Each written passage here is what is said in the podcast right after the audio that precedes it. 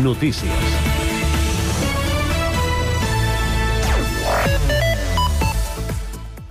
Cada ota compta i l'estalvi d'aigua està en mans de tothom. Guardar eh, l'aigua de la dutxa abans que s'escalfi en una gallera per regar les plantes, recollir l'aigua de rentar-se les mans en un recipient per tirar-la al vàter i evitar descarregar la cisterna i posar una ampolla d'aigua a la cisterna per reduir la càrrega. Són alguns dels consells que tothom pot fer a casa per contribuir en la causa en un moment de sequera on cada petita acció és clau i que Cugat Media estem agrupant en l'especial titulat El mes de l'aigua. Sant Cugat i la resta de 201 municipis del sistema Ter Llobregat es troben en situació de preemergència per sequera des del 28 de novembre. Aquesta fase serveix per aplicar mesures transitòries i d'adaptació de forma consensuada abans d'arribar a la declaració efectiva d'emergència, que es produirà si les reserves de les conques internes baixen per sota del 16% de la seva capacitat. Aquesta situació de preemergència comporta una sèrie de restriccions que se sumen a les aplicades també per la normativa municipal. A Cugat.cat trobareu les preguntes habituals sobre com es poden afectar aquestes restriccions.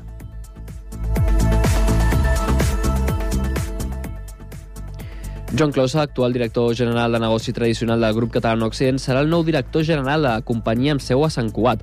Tracta d'un nomenament que coincideix amb el canvi de nom de l'empresa que passarà a dir-se Occident i que unificarà en una sola entitat les companyies que conformen el negoci tradicional del grup, Seguros Catalana Occidente, Plus Ultra Seguros, Bilbao i Norte Hispana Seguros. Closa està vinculat al grup català Accident des de 1981, on ha ocupat diverses posicions fins que en el 2017 va ser nomenat primer executiu. La direcció general del negoci tradicional la va assumir el 2020 i ara esdevindrà director general d'Occident. Sota la direcció general hi haurà tres divisions, la direcció comercial amb Raül Lucent al capdavant, la direcció d'assegurances generals amb el lideratge de Josep Esclusa i la direcció de vida amb Daniel Ciprés amb la batuta.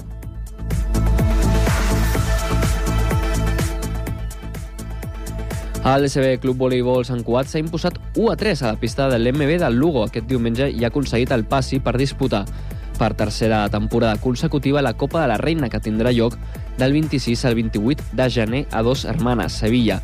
Escoltem el tècnic, Rafa Ruiz. todo el mundo sabe lo que tiene que hacer, se entiende, hay una muy buena comunicación, hay un muy buen entendimiento y eso se traduce en que cuando el equipo está jugando eh, por conceptos, simplemente por ese concepto de entenderse bien y de, y de esa buena comunicación, hace que se haga el partido como hoy, ¿no? El volei Sant Cugat ha completat la millor primera volta de la seva història. Cugat Mèdia, la informació de referència a Sant Cugat.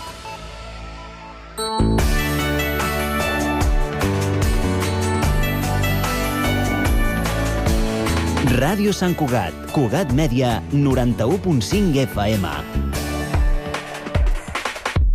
Hora Sant Cugat, a Cugat Mèdia. Es calcula que a Catalunya hi ha més de 33.300 persones que conviuen amb el virus de la immunodeficiència humana, el VIH, que té una taxa d'incidència de 4,4 casos per 100.000 habitants. Fa només una dècada que aquesta taxa d'incidència gairebé es triplicava. 40 anys després de les primeres infeccions pel VIH, la ciència ha proporcionat antiretrovirals que fan indetectable i intransmissible el patogen i, per tant, que permeten cronificar la malaltia i que les persones afectades facin vida normal. Coincidint amb el Dia Mundial de la Lluita contra la Sida, una data que vol recordar i donar suport a totes les persones que d'una manera o d'una altra s'han vist afectades pel VIH, parlem amb l'Andrés Hernández, que dia d'avui conviu amb el VIH indetectable. Andrés Hernández, molt bon dia. Molt bon dia, què tal estàs? Molt bé. I tu, com estàs? Molt bé, gràcies. A tu et van diagnosticar el VIH. Um, com fa que vas uh, rebre aquest diagnòstic? Eh, bueno, que el, diagno el, diagnóstico ha sido aproximadamente hace 2010 o por ahí. Per tant, fa, fa 13 anys, entenc que vas anar en aquesta cita mèdica, no? Uh, I en el moment en què el metge et diu que tens el VIH, a tu què et passa pel cap? Bueno, eso es, eh, era otra época, es, es un, claro, es un diagnóstico complicado porque por aquel entonces, aunque la, la medicina estaba avanzada y, en cuanto a la medicación por el VIH y tratamientos existentes habían mejorado un montón, eh, pues claro, tú lo primero que piensas es me voy a morir. O sea que, claro, parte porque en el momento en que a mí me lo han diagnosticado yo tenía las defensas bastante bajas Entonces, claro, lo primero que piensas es en eso, pues que la muerte y en la enfermedad, ¿no? O sea, el conllevar una enfermedad y todo, pero bueno. Perquè tu, quan et donen el diagnòstic, pel que m'expliques, et trobaves malament. No, eh, simplemente eh, eh, eh, me, me tenían que hacer una intervención quirúrgica. A raíz de esta intervención quirúrgica, pues me han hecho unas analíticas de sangre y en las analíticas ha salido, aunque sí yo ya estaba, me estaba, eh, tenía las defensas no mu- muy, muy, muy bajas, pero tenía las defensas bajas. Uh -huh. M'expliques no, totes aquestes eh, pors que et venen al cap quan, quan et diuen eh, el VIH. Uh, el personal sanitari com t'ajuda? Com t'explica què vol dir conviure amb el VIH? Bueno, afortunadamente, esto ha sido en el, en el Hospital de, de La Paz en Madrid. Afortunadamente, bueno, he de decir que eh, aquí en España contamos con muy buenos profesionales de la salud, la verdad. Eh, nada, me, lo han, me, han, me han- bueno, me han dicho que, que me tenían que comunicar esto. Claro, yo me vine abajo, evidentemente, porque pues es, es una cosa que tú no, no te esperas. Uh -huh. Y, eh, pero bueno, ellos me han tranquilizado, me han dicho que hay tratamientos, que ya lo que te estoy diciendo, los tratamientos ya a- a- a- han- a- habían evolucionado mucho y, eh, bueno, era simplemente seguir el tratamiento y los cuidados médicos que ellos me recomendarían y ya está. Perquè abans de ser portador, tu què en sabies? Què és allò que tu coneixies del, del virus? El, bueno, básicamente lo básico, ¿no? Que bueno, que es un- el, el virus de inmunodeficiencia humana, eh, que es un virus que se transmite por eh, vía sexual, de semen o, o- o flujos, y eh, por tra- transmisión también de, de sangre. Entonces era lo que sabía y sabía pues que era una enfermedad de eso que que atacaba el sistema inmune y, y que te, digamos, destruía los, los CD4, ¿no? Bajan los niveles Ujú. de CD4, que son las defensas de, de nuestro organismo, los, los encargados de, digamos, de, de defenderse contra virus y bacterias. Et donen el diagnòstic, tu tens totes aquestes pors que des del personal sanitari no, ja t'expliquen uh, en quin moment es troba la ciència per tractar aquesta malaltia. Um, suposo que has de fer un procés d'assimilació o fins i tot de dol i decidir uh, si ho vols explicar i a qui ho expliques, no? La verdad es que como mm, no siempre he sido tan reservado, mi familia no está aquí, entonces em, no, creo que no, no, no lo he comentado con nadie, la verdad. Siempre he sido como muy reservado con mis, con mis temas. Y bueno, y también te digo que porque como todavía en aquel entonces existía, ya no, pero en aquel entonces existía un poco el, el- el- el tema de del VIH, como, ¿sabes? L'estigma social, El no? estigma social, Ujú. sí. Entonces, eh, claro, eh, también uno a veces preferí, preferí, preferí, preferiría, pero pues, o yo en, por mi caso, pues prefería como reservármelo, ¿no? No. I en aquests 13 anys, des del 2010, um, com, ha, com ha canviat el teu tractament, no? Quina, quina implicació té en el teu dia a dia? Perquè sí que abans les persones amb VIH prenien moltíssimes pastilles, però la, la medicina i la ciència, afortunadament, han avançat molt. Tu, durant aquests 13 anys, quina, quin canvi has vist? Sí, eh, es verdad. eh, anteriormente tenías que tomar, eh, si creo que eran tres pastillas. A, a mí con el, bueno, con el, digamos, los, con el paso de los años y, y según los, los, las evoluciones médicas y tal, me han ido cambiando la, la, la, la medicación. Uh -huh. Entonces, eh, y actualmente estoy tomando solo una pastilla, que, que- que es lo suyo. O sea, tomas una pastilla al día y ya está. Y llevas tus controles y, bueno, perfecto. O sea, no, no, no, normal, como cualquier, como cualquier enfermedad crónica, porque es que al final esto ya es una enfermedad crónica.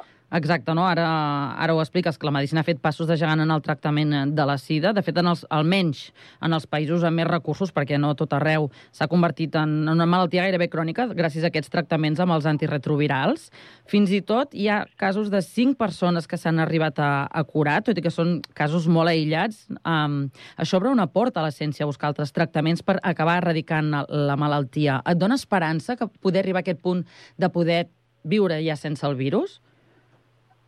Sí, yo creo que sí. A ver, es que la, la medicina ha avanzado un montón. O sea, ya te digo que Por ejemplo, había yo em, antes he trabajado con por mi trabajo tra- eh, tra- trabajaba el entrenador personal en un centro y dentro de este centro había algunos eh, pacientes que eran portadores del VIH y algunos, por ejemplo, tomaban la, la truada, que fue una de las como de las no primeras, pero sí de los más medicamentos más antiguos. Y esta truada les generaba unos, eh, pro- digamos, tan- también como cambios a nivel físico y, y, y- y- y era un- una medicación que, que producía bastantes efectos secundarios. Eh, a, día de, a, a día de hoy las la- los medicamentos que hay cada vez son mejores y de hecho ahora eh, tengo entendido que se está probando eh, una, una no es una vacuna en realidad es una, una inyección que, que se te pone cada cierto ahora cada cierto tiempo no ahora son cada tres meses y luego esperan que sea cada seis y pues yo claro poco a poco se va evolucionando. Yo creo que a lo mejor en algún momento sí pueda que sí lo que pasa es que es complicado porque es un virus que que todo el tiempo está mutando entonces claro sí, es un virus és una de les complicacions muy- que té per trobar la cura, Clar. eh? Claro, claro, claro, Mhm. claro. Per tant, podríem dir no, que la part eh, de tractament físic de la malaltia està més ben encarrilada, no? Cada cop la medicació té menys efectes secundaris. Uh, tu creus que passa el mateix amb, amb l'atenció psicològica? Hi ha prou acompanyament per les persones que els hi fan aquest diagnòstic? Bueno, es que a día de hoy, es lo que te digo, es que ya a día de hoy también supongo yo que todo esto tiene que ver a- también con el tema de la PrEP, la profilaxis preexposición que se lleva, o sea, en el momento en que ha aparecido la PrEP, entonces, digamos, como son medicamentos tan similares, salvo por algún compuesto que... Porque la, la- la profilaxis preexposición en realidad es para prevenir el, el contagio, ¿no? D'això- del VIH. Sí, d'això en parlarem, en parlarem més, més endavant. Ah, vale. Parlaves abans no? um, que la visió que es té de, de la malaltia, de la sida i del VIH, que no són la mateixa cosa, uh, ha evolucionat molt durant els últims anys. Sí, sí, sí, muchísimo. Lo- Sí, tu creus que el tabú i l'estigma sobre la malaltia ha anat canviant, ha anat desapareixent una mica, com a mínim? Yo creo que sí, sí, yo creo que sí.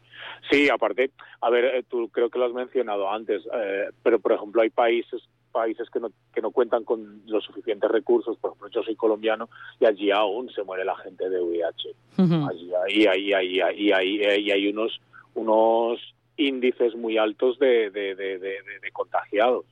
Y, y, eh, bueno, no, con esto también tiene que ver el, el tema del estigma, pero afortunadamente aquí yo creo que es que mm, contamos con un sistema de salud óptimo. O sea, tenemos unos recursos a nivel sanitario óptimos, buenísimos. I per part de la societat, tu creus que la visió que es tenia als anys 90 d'una persona amb VIH i la visió que es té ara afortunadament ha evolucionat molt? La gent coneix més què és el virus i té menys estigma cap a les persones que el tenen o, o no? No, yo creo que no. Lo que te digo, a día de hoy, a día de hoy ya, ya no, ya ha cambiado mucho. Esto porque también es lo que te estoy diciendo, se ha vuelto una enfermedad crónica. Mhm. Pasa que al principio fue una, una, una, una, enfermedad, digamos, que se le, se le atribuía solo al colectivo de homosexual. Eh, També y- les persones que prenien droga, no? Claro, per entonces esto injectables. era como, ah, esto es enfermedad, esta enfermedad es de prostitutas o de homosexuales o de drogadictos, como, Ujú. ¿sabes? Ahora no, ahora pues es que es también, eh, al final es una enfermedad que, digamos, la puede contraer cualquier persona, o sea, Ujú. no sé, no, no estás exento de, de- de contraerla. Entonces, yo creo que ha cambiado mucho esto. I uh, si ara alguna persona que li donessin el diagnòstic, uh, tu que fa 13 anys que, que ja el vas rebre, li donaries uh, algun consell?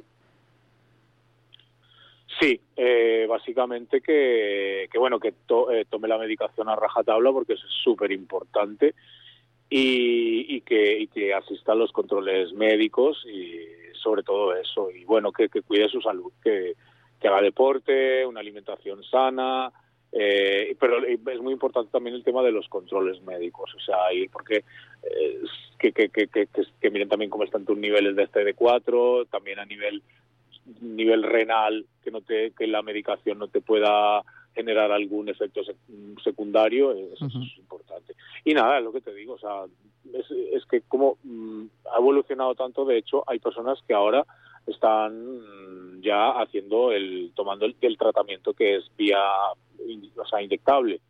Esto ya es también decisión de cada paciente, ¿no? Yo, por ejemplo, yo prefiero seguir tomando mi pastilla y ya está. Porque el- el- el- sí que el, otro sistema tienes que ser como muy a rajatabla también, ¿no? A mí ahí ya puntualmente, bueno, no siempre, pero a lo mejor un día se me pasa tomar la pastilla, no pasa nada, que no debería ser así. Pero eh, con el tema del el, el otro tipo de tratamiento sí que tiene que ser fecha exacta, exacta, exacta. O sea, tienes que ir al centro médico al que te lo... Pues también ahí te complica un poco, pero no sé. Entenc que també els metges no, us deuen assessorar, depèn de cada persona Sí, i cada cas, de quin és el millor tractament per, per seguir. Exacte, sí. Em deies abans que eres eh, entrenador personal, però també sé que també fas algunes coses en el món de l'audiovisual. I si no m'equivoco, estàs treballant i s'està a punt d'estrenar un curtmetratge que aborda precisament el VIH i que, de fet, se centra en la PrEP. Explica'ns Sí. què és la PrEP per tota aquella gent que no ho sàpiga i després parlem del teu curtmetratge. Vale. La, la, la PrEP o profilaxis preexposición es un medicamento que se toma para prevenir eh, eso, el, el, el- el contagio del, del VIH. Evidentemente, pues, sí, eh, por, por, por vía bueno, sexual. pero es un medicamento que se, se, se lleva, toma- se lleva tomando ya hace varios años y, eh, bueno, la verdad que está funcionando bastante bien. Está funcionando bastante bien porque mm, el tema de la PrEP no es solo que tomas una pastilla, porque anteriormente eh, estas pastillas tenías que comprarlas por Internet, las comprabas por Internet, bueno, en páginas eh, autorizadas, pero no tenías ningún tipo de control y cuando tomas este tipo, tú tomas este tipo de medicaciones es necesario que tomes un tipo de control. Pero lo bueno de tener este tipo de control es que al, a- cuando tú vas al- a tu centro médico donde te dispensan la PrEP a que te hagan tus analíticas, te pueden detectar otras ETS, que esto a Claro. nivel de control está muy bien, porque eh, si tú das positivo en una ETS, yo qué sé, por ejemplo, llámese gonorrea, llámese sífilis, automáticamente te tratan y no eh, estás con la, muchas veces algunas de estas enfermedades no presentan síntomas. Entonces tú puedes estar por ahí contagiando a muchas más personas sin saberlo. Entonces, Claro. Yo creo que es importante esto y a mí me parece fantástico que, que, que- que se haga esto porque es una manera de prevención. De fet, és un, no, una via més que té el Departament de Salut per Sí. lluitar contra els contagis del, del VIH, Sí, sí, sí, correcto. com seria el preservatiu un altre, no?, per exemple. Sí, sí, sí, digamos que, a, a ver, mm, el preservativo eh, se, se- se- se- ha, bueno, se, se ha utilizado mucho por el tema de tanto de tra- enfermedades de transmisión sexual como del tema de embarazos no, no Ujú. deseados. Pero con el tema de la PrEP, pues ya ha cambiado mucho este, este concepto, ¿no? I el teu curtmetratge uh, té títol ja, Andrés? Sí, se llama Estás preparado.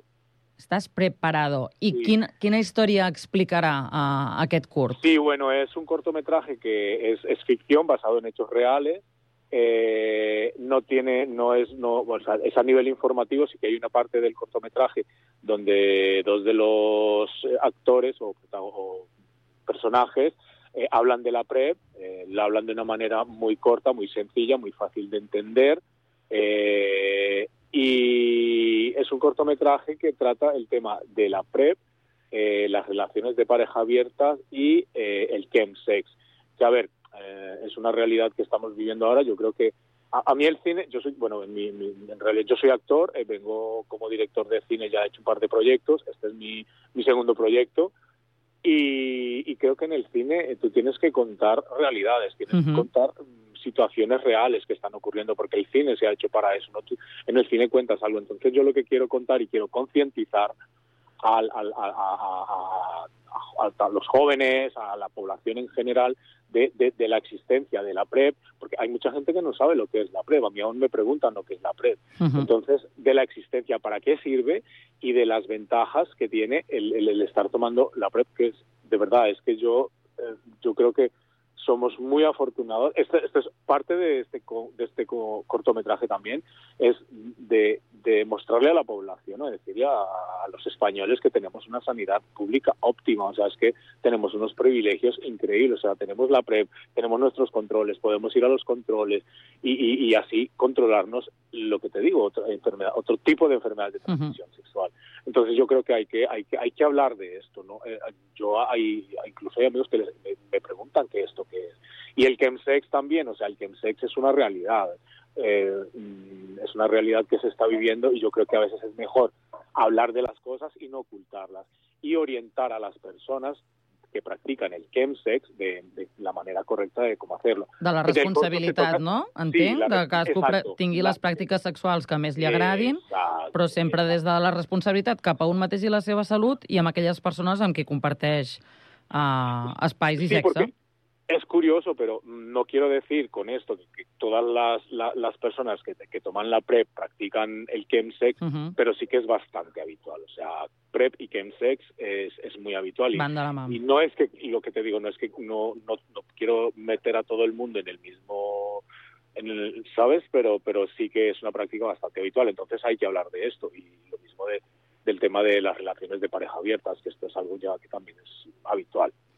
Doncs una nova porta que ens obrirà aquest uh, curtmetratge. Estàs preparado? De, Estás preparado, sí. de l'Andrés Hernández. Quan es podrà veure, Andrés? Ya, ya, ya estoy, ya estoy con las últimas, ya está montado, estamos con el tema de la banda sonora, sonido y yo creo que para, el, bueno, el, creo no, ya está, tengo planteado el, el estreno para enero, entonces ya hablaremos de eso también porque bueno, eh, que creo que va a, tener, va a ser un cortometraje que va a tener mucha visibilidad por el tema que se toca, es un cortometraje muy dinámico, tiene mucho ritmo, eh, está muy guay porque es lo que te digo, es basado en, una, en la historia de un, un chico que, que llega a España y bueno, es inmigrante, no tiene papeles, o sea, toca, toca situaciones como muy... Desde el taller ¿no? Gerónimo Temas Moragas. Os deseamos a todos. Entonces, eh, y, y- y- bueno, y que, que es lo que yo te digo, hay que informar a la población de, de, de, de, de- de las cosas, no ocultarlas. Doncs molt a favor eh, d'aquesta divulgació. Um, de fet, també és un dels objectius de- d'aquesta entrevista i et donem les gràcies per entendre'ns, Andrés, explicar-nos la, la teva història, la teva experiència i com segueixes fent activisme no? per uh, difondre com és la vida amb VIH i que hi ha futur. Sí, a ver, yo creo que es lo que te digo. Yo creo que posiblemente y ojalá llegará un momento en que o existi, ah, saldrá una vacuna o a lo mejor la cura, que sería lo ideal. Eso sería fantástico. Pero bueno, es, es lo que te digo, se puede llevar muy fácil y, y es una enfermedad crónica y ya está. Doncs tant de bo, la ciència avança, cal que els governs hi dediquin els recursos i els diners necessaris a la investigació, uh, i tant de bo puguem viure la notícia doncs, que ja hi ha una cura per al VIH. Andrés Hernández, moltes gràcies, que tinguis molt bon dia. Nada, venga, buen día. Bon dia. No és el mateix ser els integrants del millor grup de la història que ser el millor grup de la història. Per això, al grup català Occident serem Occident, perquè per continuar assegurant-ho tot, tot i tot, ens havíem d'ajuntar tots, tots i tots. Entra a seremoccident.cat. Cada mes, els alumnes dels instituts Leonardo da Vinci, el Centre de Formació d'Adults i el Col·legi Pureza de Maria expliquen l'actualitat dels seus centres a Ràdio Sant Cugat. Primer de batxillerat van visitar el laboratori. Al final de cada classe ens fa un experiment. També ens fan recomanacions. De fantasia eh, puc dir eh, una saga que es diu Crave. Ens diuen què els agrada. Jo espero els canelons de l'àvia. A mi m'agraden molt els animals. A mi m'encanta cuinar. I ens posen al dia amb la música que escolten. El Nadal més tropical de Gertrudis. Jo he escollit eh, La gent d'estimo, que és d'Oques Grasses. No My Responsibility, de Billie Eilish. Els instituts santcugatencs a Cugat Mèdia. Els dijous a les 10 a Ràdio Sant Cugat i en podcast a Cugat.cat i a Ull Crític.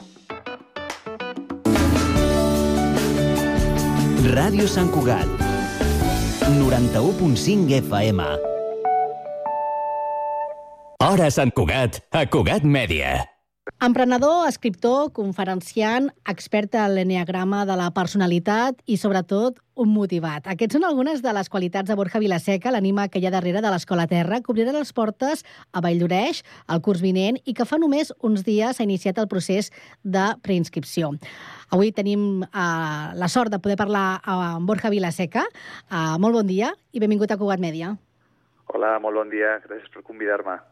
Sento de Barcelona, Borja. Per què t'has decidit a ubicar a l'escola Vall d'Oreix? Creus que hi ha molts motivats i motivades aquí a Sant Cugat? Mhm. Sí, la veritat és que sí. Ens agrada moltíssim perquè estan bueno, molt a prop de Barcelona, per l'entorn natural i bueno, pel tipus també de, de gent no? que, que, que va viure a, a Valdoreig, a Sant Cugat, una mentalitat més, més oberta, més liberal, més progressista, no? I, i ens adonem que en aquestes àrees els pares i les mares estan una miqueta més encara compromesos amb una educació pues, més innovadora, no? I això ja té un recorregut, aquesta, aquesta zona de, de Barcelona, i bueno, pues, fent una investigació de, del mercat vam veure que, que era una oportunitat molt bona i més enllà també vam trobar un, un, un edifici que complia els, els requisits necessaris per, per desenvolupar terra, no? Què tindrà d'especial aquesta escola? Que no tinguin altres projectes de l'entorn, perquè Sant Cugat, eh, vosaltres ho heu escollit, no? Ara ho explicaves els motius. Hi ha moltes més escoles, no només hi ha les públiques que hi ha, sinó altres concertades i també de privades, que també van escollir Sant Cugat justament pel que comentaves, però la vostra escola, Terra, què té d'especial? Per nosaltres el que, el que té d'especial és la nostra metodologia pròpia, que li anomenem les 11 dimensions de l'educació conscient. I que bàsicament nosaltres veiem els, els nens i les nenes com llavors i cada llavor té un potencial, té una intel·ligència, té un talent, té una passió, no?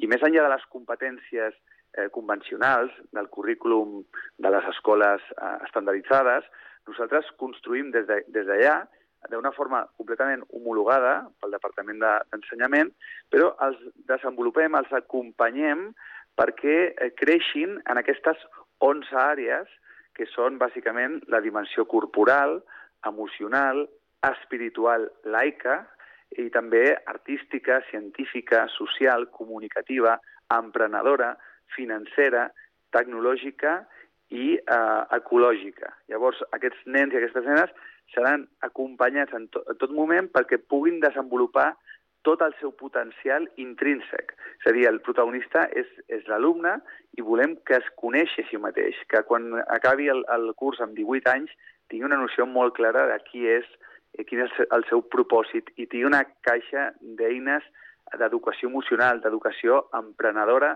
per fer front als reptes de, de la vida, no?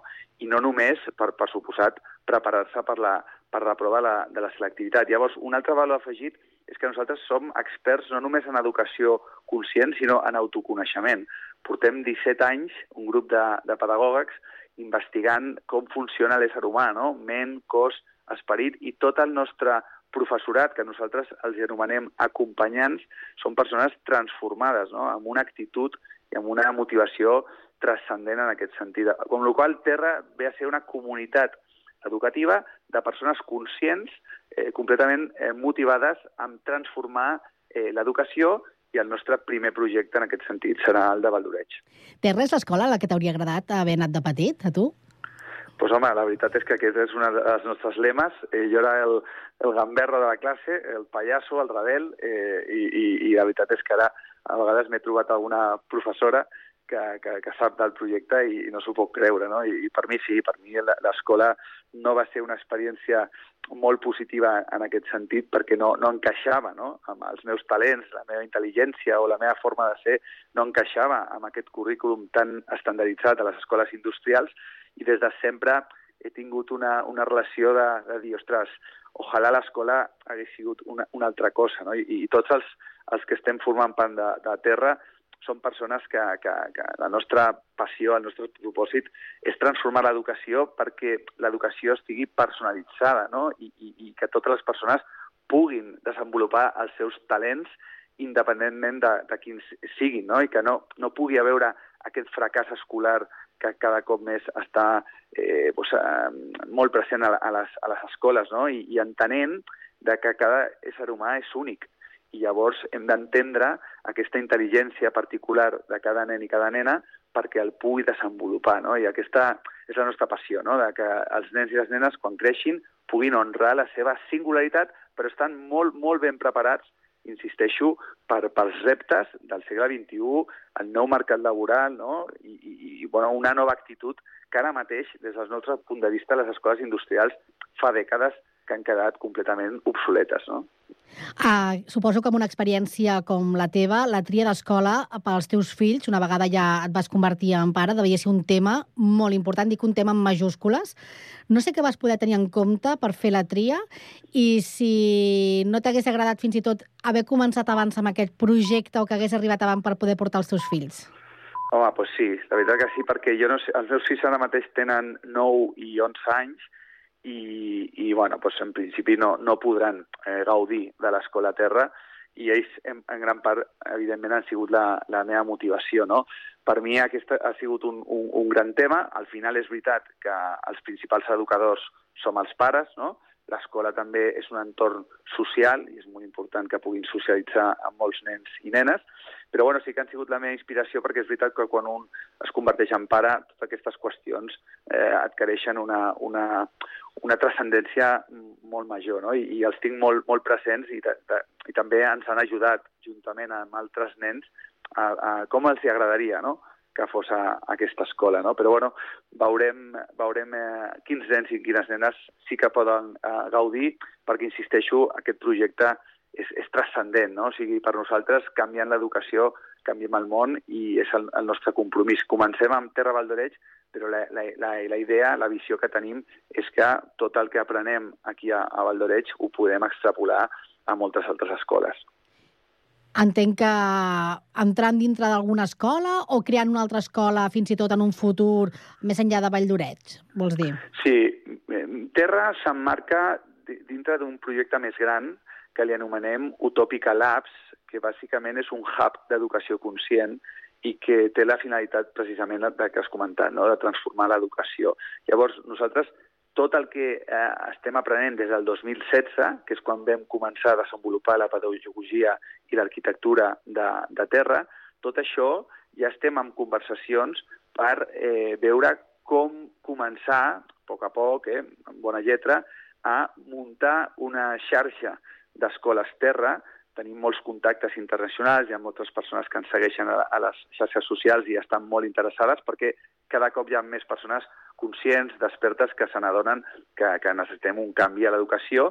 I també estem en conversacions amb el, amb el que va ser el conseller d'Educació, el, el Josep González, no? per veure de quina manera introduir aquesta educació conscient a l'àmbit públic i, per suposat, com tu has comentat, eh, cada cop ens, ens estan contactant més escoles industrials que els directors eh, i alguns pedagogs s'estan adorant que efectivament cal transformar d'arrel l'educació perquè sigui una educació més emocional, més emprenedora, no? amb la qual nosaltres tenim unes línies de, de feina i de treball, amb la qual una d'elles és crear aquesta pedagogia, crear aquest primer eh, escola a terra, però la visió és, és molt més gran i això és el que dedicarem eh, la resta de la nostra vida. No?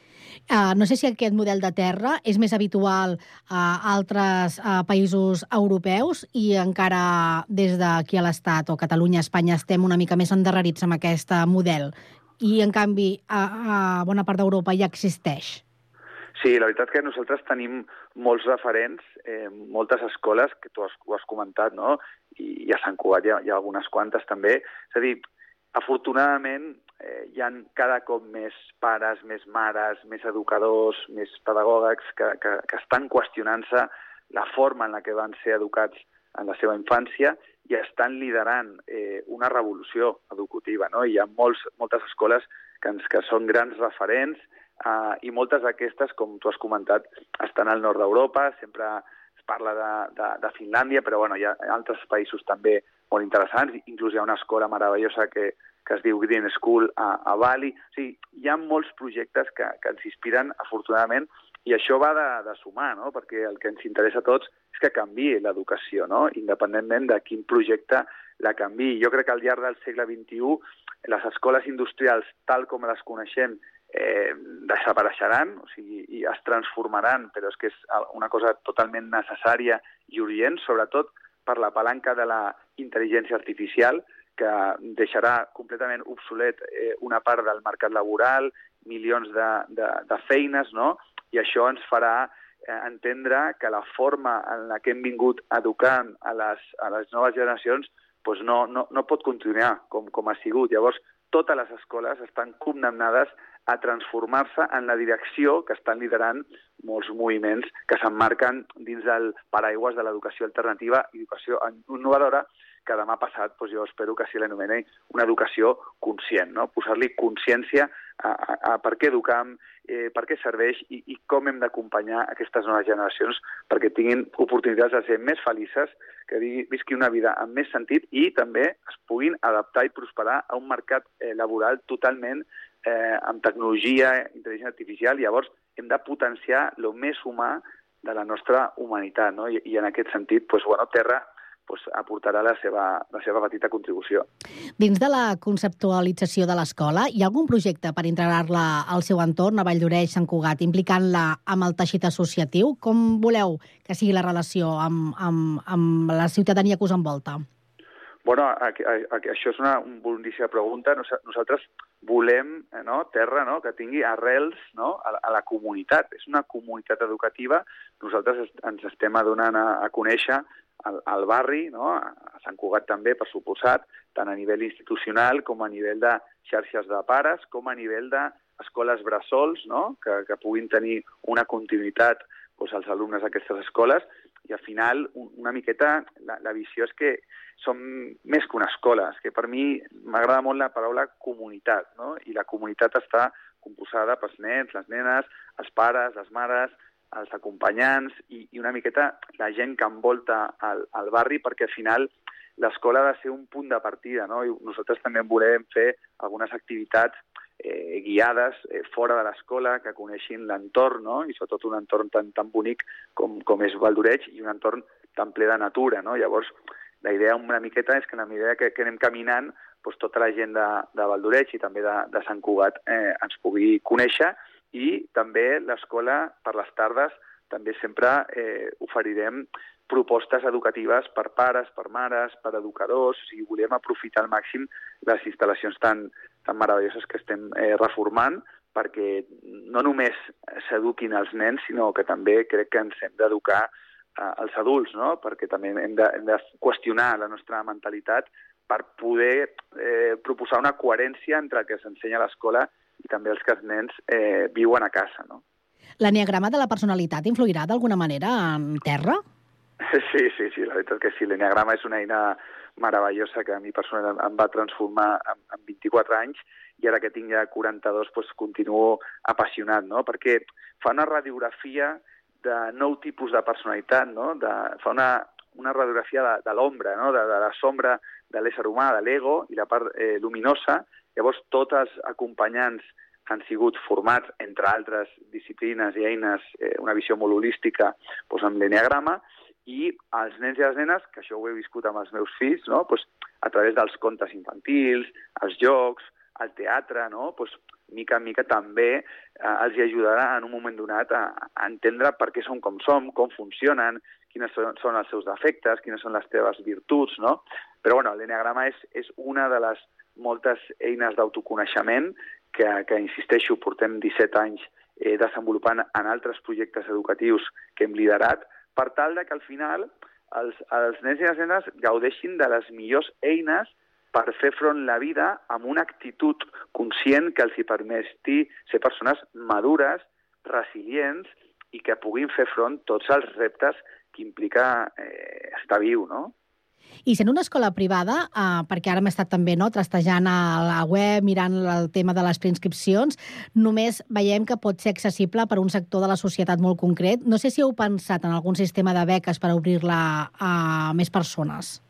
Sí, evidentment, eh, aquest també és, un, és un, un gran tema i una gran pregunta que fas.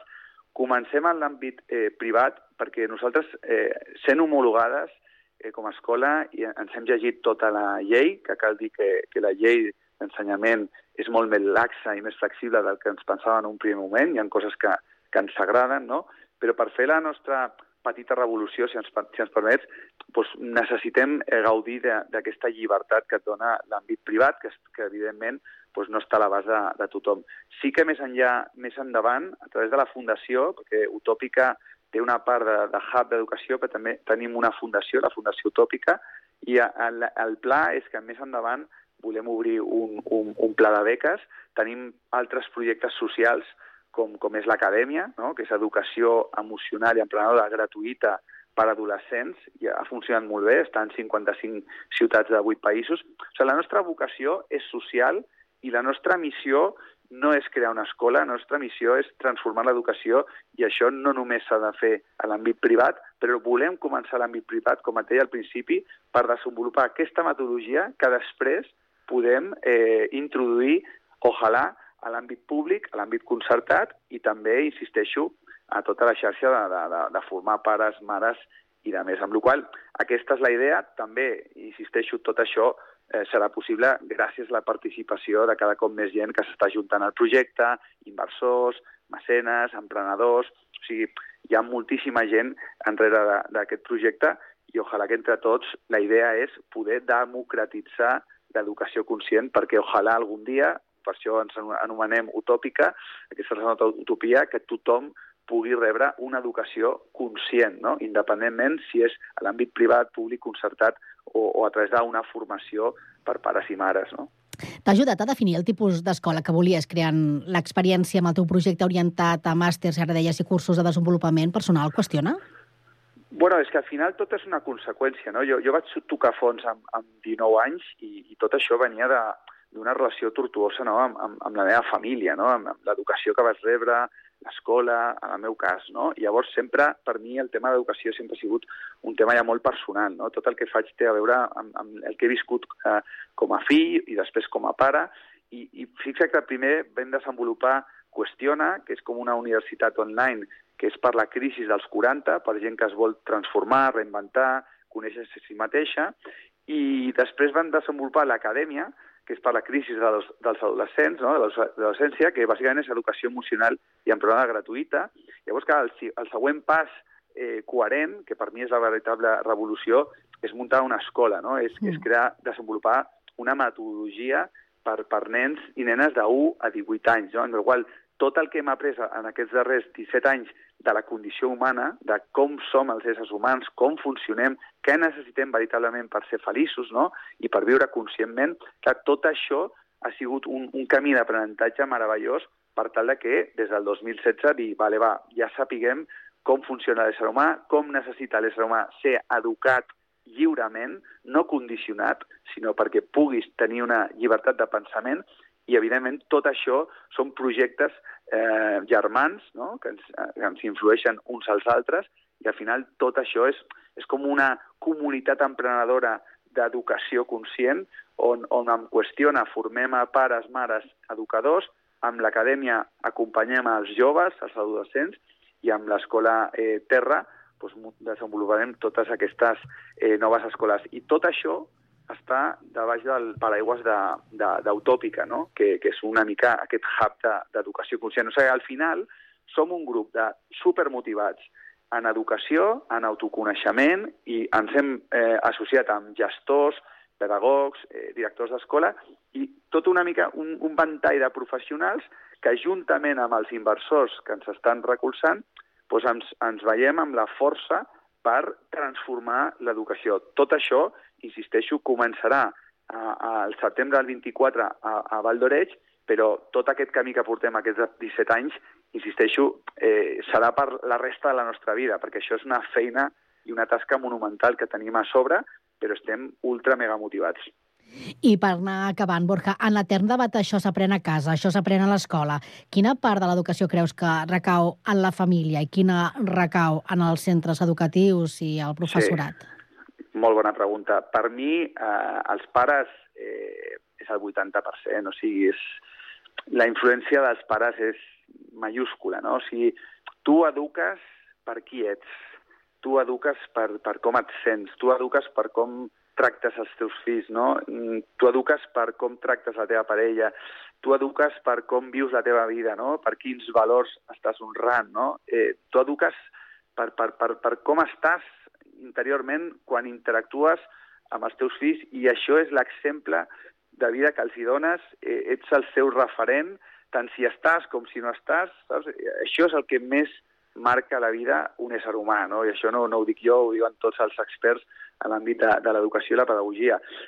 Això clar, si tenim un, un, un lloc on podem inspirar els pares i les mares o un lloc on venen pares i mares ja treballats de casa, conscients, creem una comunitat educativa on aquest 20%, que no vull menospreciar-lo, però és superimportant perquè és la, eh, on els nens socialitzen i on els nens desenvolupen una sèrie de fortaleses, competències, visions que reforcen una miqueta aquesta influència de, de, dels pares. Llavors, evidentment, 8 hores al dia, que són el temps que passen els nens a l'escola, és fonamental. Si això ho multipliques per 18 anys, llavors el que s'està ensenyant ara a l'escola, des del nostre punt de vista, és que no, no, no, no, no cobreix les necessitats formatives, perquè és molt de, de memoritzar, càlculs matemàtics, i, i sí, cultura general que està molt bé, però nosaltres veiem una educació orientada al desenvolupament de, de lo que és l'actitud, la, no? el desenvolupament de,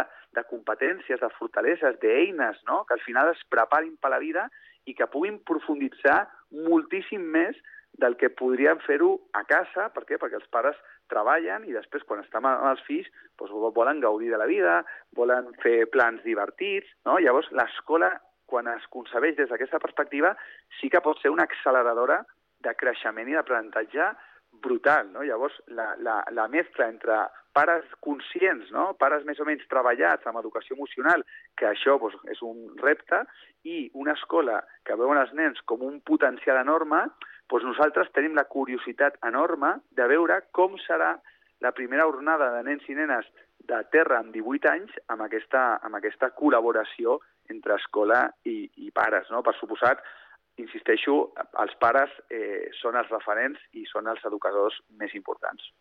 Hem parlat amb Borja Vilaseca, fundador de l'Escola Terra de Vall d'Oreix, que obrirà les portes al curs vinent. Moltes gràcies per haver-nos atès, Borja, i estem en contacte. Moltíssimes gràcies per donar-nos veu i, i un salut a, a tota la comunitat de Valdoreig i Sant Cugat. Un cotxe de carreres, un patinet, un metge de cadells... Una pilota de bàsquet, una videoconsola... Aquestes festes ens demanem moltes coses. Les nenes i els nens de Nepal només se'n demanen una. L'atenció que necessiten. Col·labora amb la Fundació Vicente Ferrer. Truca al 900 111 300 i descobreix l'extraordinari poder de cuidar. Molta comèdia, el programa de les arts escèniques de Sant Cugat i de Sant Cugat. Aquell que us parla Eduard Gené explicarà amb l'ajuda dels artistes protagonistes tot allò que representa i es cou a Sant Cugat de teatre, de dansa, de música, de màgia o de circ. Cada dijous a les 12 del migdia i reemissió a les 8 del vespre i, com sempre, pots escoltar el programa quan vulguis amb el podcast a través de Cugat.cat. Molta comèdia amb tu cada dijous per saber què pots fer al cap de setmana si t'agraden les arts escèniques.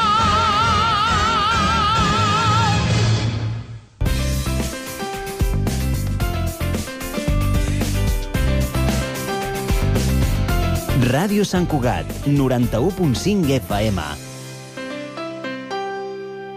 Hora Sant Cugat és un contenidor radiofònic de continguts santcugatencs. Continguts en xarxa.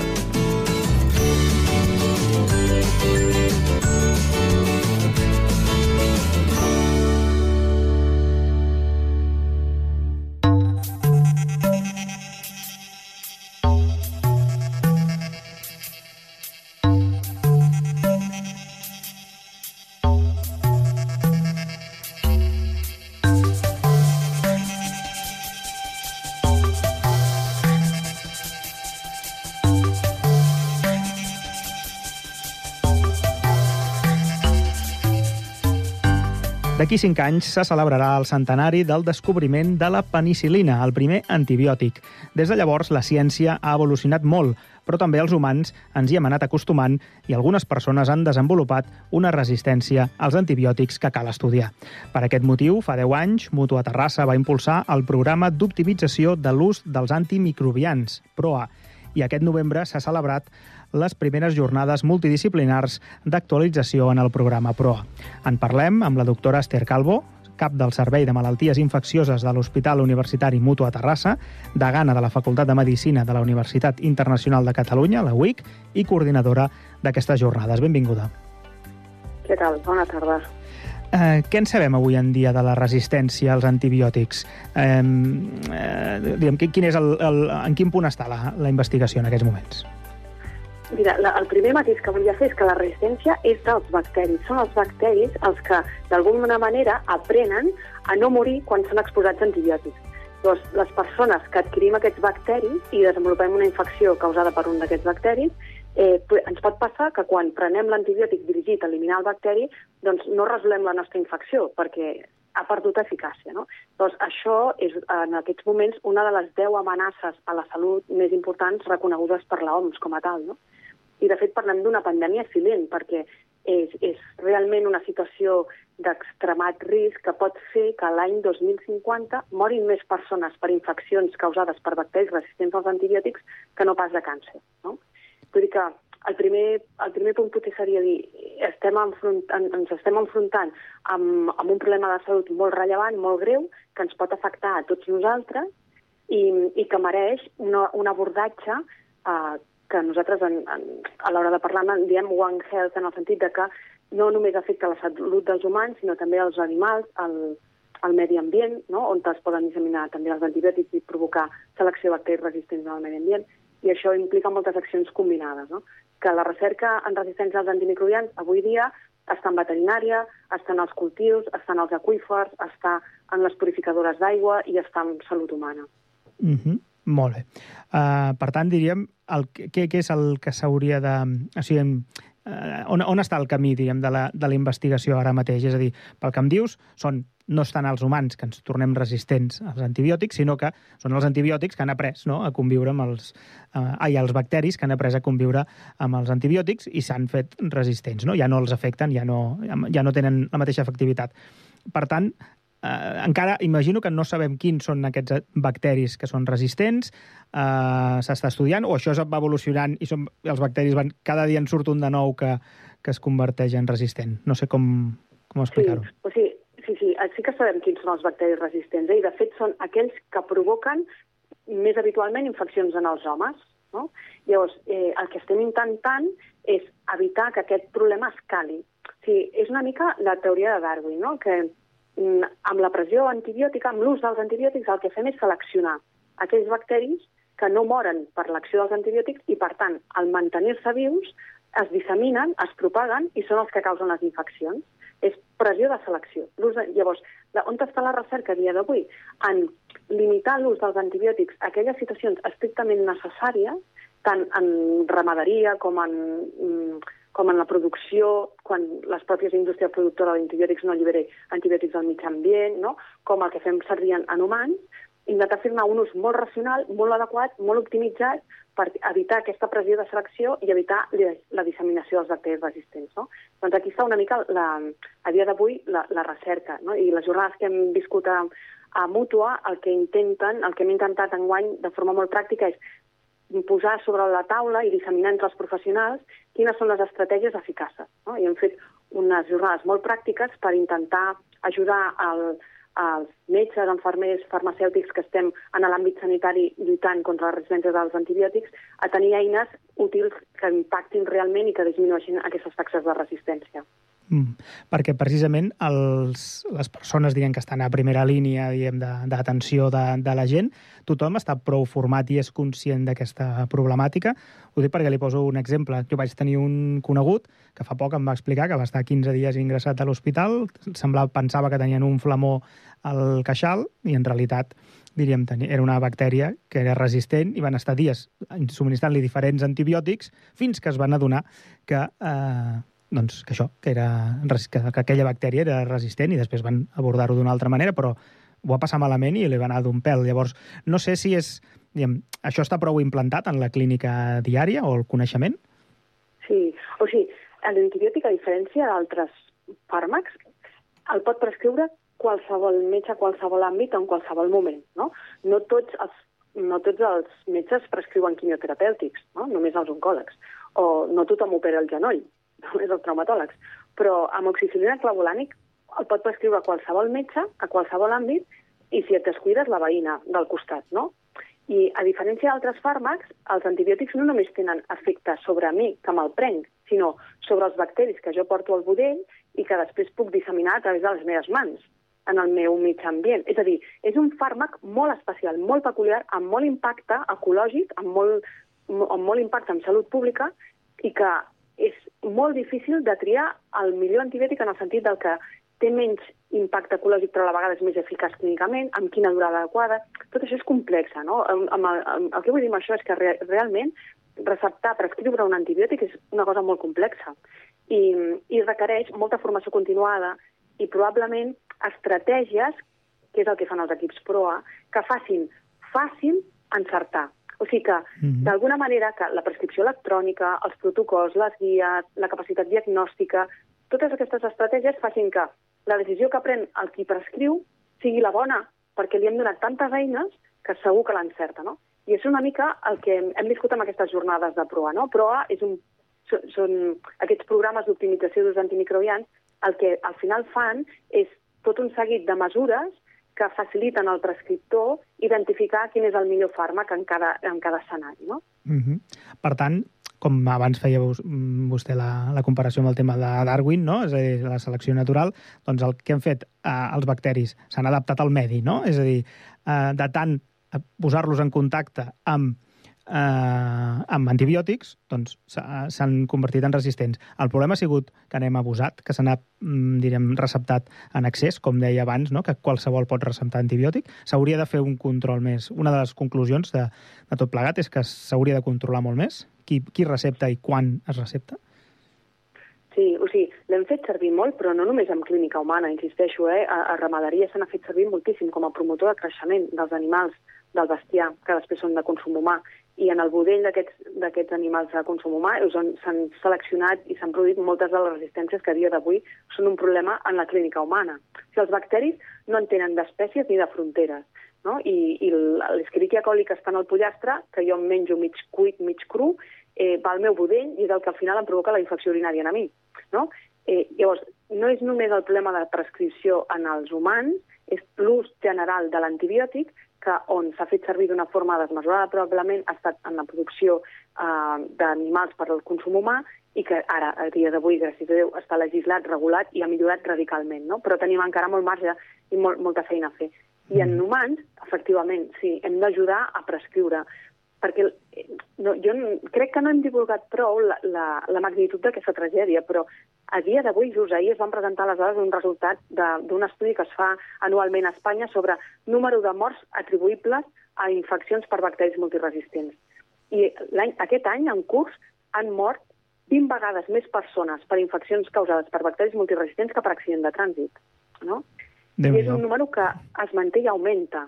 És a dir, si no fem mesures contundents, si no entre tots patllem per tenir cura d'aquest fàrmac tan especial que ha permès la medicina moderna, a dia d'avui podem eh, donar quimioteràpies poderosíssimes que provoquen immunodepressions bèsties perquè tenim antibiòtics per curar les infeccions que causarà aquesta immunodepressió.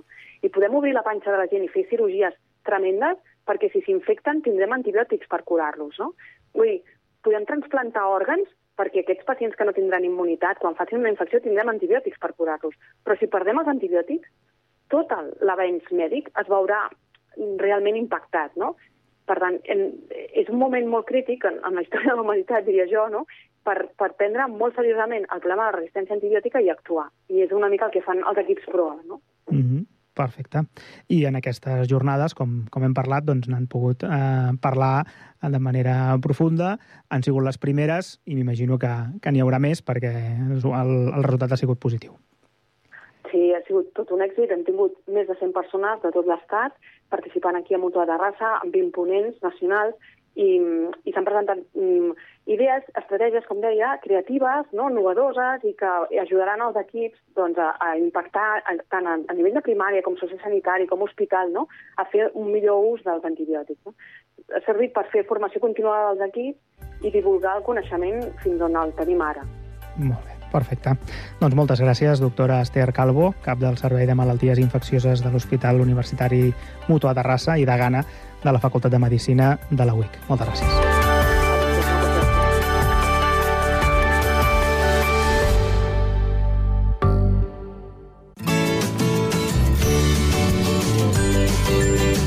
Continguts en xarxa.